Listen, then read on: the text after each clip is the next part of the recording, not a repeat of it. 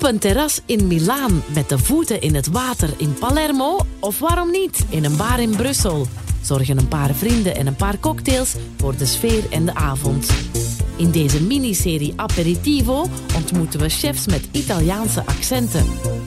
Ze delen met ons hun mooiste herinneringen aan Italië en geven ons het recept van hun favoriete cocktail. Vandaag bij Didier van den Broek in zijn Speakeasy Cocktailbar Dogma. Alright, welkom, dames en heren. Tot mijn 17, 18 jaar was mijn, eh, mijn absolute plan om professioneel wielrenner te worden. Maar een knieblessure eh, heeft daar eh, anders over beslist. En dan is mijn, mijn leven op een ander traject gekomen. Ik heb een, denk dat dat nu dat 10 of 11 jaar geleden zijn. 11 jaar geleden, denk ik, rond kerstmis een, een cocktailboek gekregen van mijn broer dat over bitters ging. En eigenlijk de bitters scene eigenlijk hoofdzakelijk uh, toegespitst op New York. En dat heeft mij zo een beetje off-guard helemaal uh, te pakken gekregen. En helemaal gepassioneerd en één, twee drankjes in dat boek beginnen maken. Drie, vier drankjes boek bijbesteld. En op een gegeven moment is dat compleet uit de hand gelopen. Met als, uh, met als eindresultaat dat ik in een cocktailbar wilde werken.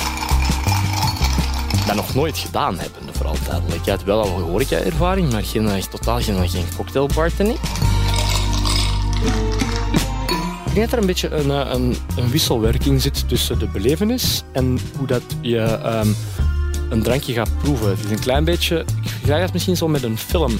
Als je een film begint te kijken, denk je dat je een komedie gaat zien, maar het is een tragicomedie, ga je waarschijnlijk die film niet echt smaken.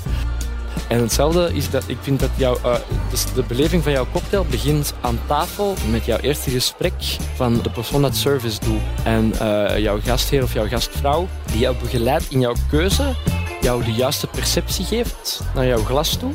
En dan is het aan jou. Omdat we kunnen jou de beste cocktail maken dat je wilt, maar als je geen goede beleving hebt en geen goede perceptie en geen goede aanloop naar die cocktail toe, dan gaat niks je smaken, denk ik.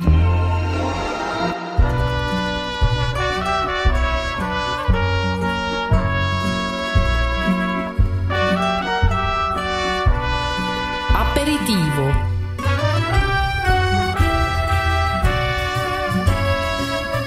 Maar ik, ik heb al langer iets met Italië. Mijn tante heeft mijn hele jeugd in, in Toscane gewoond. Dus, die, dus ik ben heel op vakantie in Siena geweest.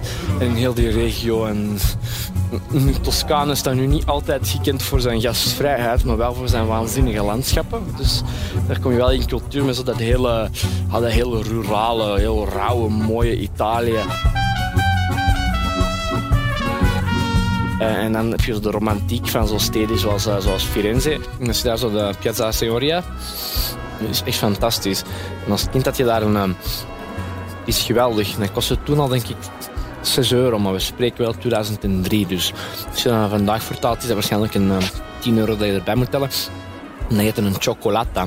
Een soort van chocolademelk waar er zoveel room en zoveel uh, chocolade in dat je ongeveer die lepel daarin kon rechtzetten. En dat was magisch.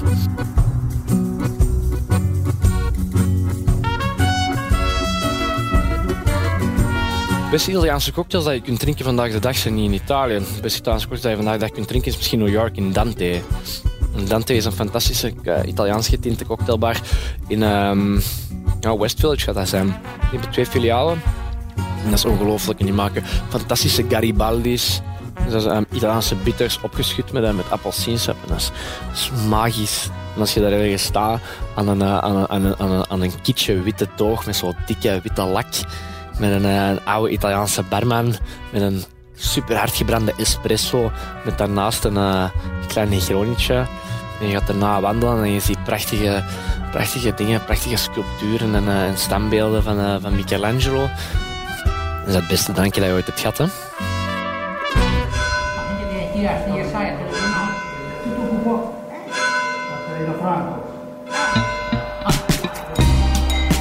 Ik vind softcocktails trouwens een goed woord.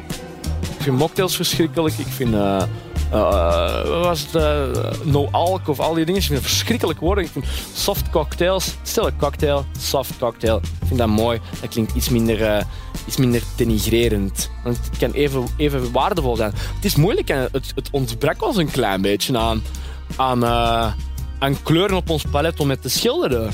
Omdat wij effectief wel iets wilden. Waar wij mooie producten. Niet enkel fruitsapjes en, uh, en, en, soda's, maar het is effectief heel fijn dat we op een gegeven moment iets zoals Martini Vibrante op, op de markt kwam, dat dat ook effectief een, een heel, heel leuk product was. Ricetta. drankje heet een Mindful Marty. Dat Mindful Marty, Mindful Martini, vond ik een, een leuke ode, een goede naam. We zitten met een drankje van Martini Vibrante, die dat we gaan aftoppen met een tonic. We gaan opfrissen met een, uh, met een hint van pompoenmoes. En een klein beetje uitronden met een mooie siroop van kaneel, die dat we heel simpel maken door een beetje suikerwater aan de kook te brengen, te overstrooien met per liter ongeveer drie kaneelstokjes, dat we misschien best even kneuzen. En wat we daar gaan gebruiken is een klein beetje roos pompoenmoessap. We gaan daar ongeveer een goede shot van in doen. En roospompoenmoensap is een fantastisch product en eigenlijk een van de leukste citrussen om mee te werken voor de simpele reden dat het langste goed blijft eigenlijk ook. Dus uh, waar dat je uh, bijvoorbeeld appelsiensap hebt dat na 20 minuten begint te oxideren en echt in smaak ontzettend achteruit gaat.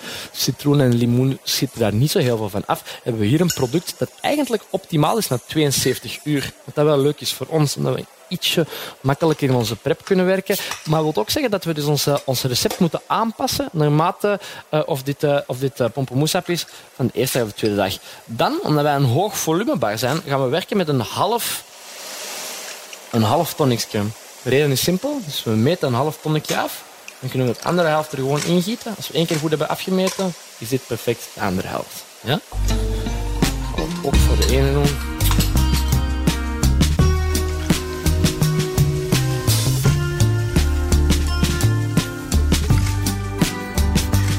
Werk af met een klein beetje huisgemaakte kaneelsiroop. Kaneel is een heel mooi product, wat dat zowel een zekere zoetigheid met zich meebrengt, maar ook tegelijkertijd de, uh, de mooie karaktereigenschap heeft om de, uh, om de boel een beetje op te drogen. Dus we gaan nu aan het parfumeren met een citroenzester, wat ik altijd wel leuk vind. Aan het parfumeren, dus we gaan de etherische olie gebruiken. En wat we dan eigenlijk doen meestal, is we parfumeren van onder naar boven.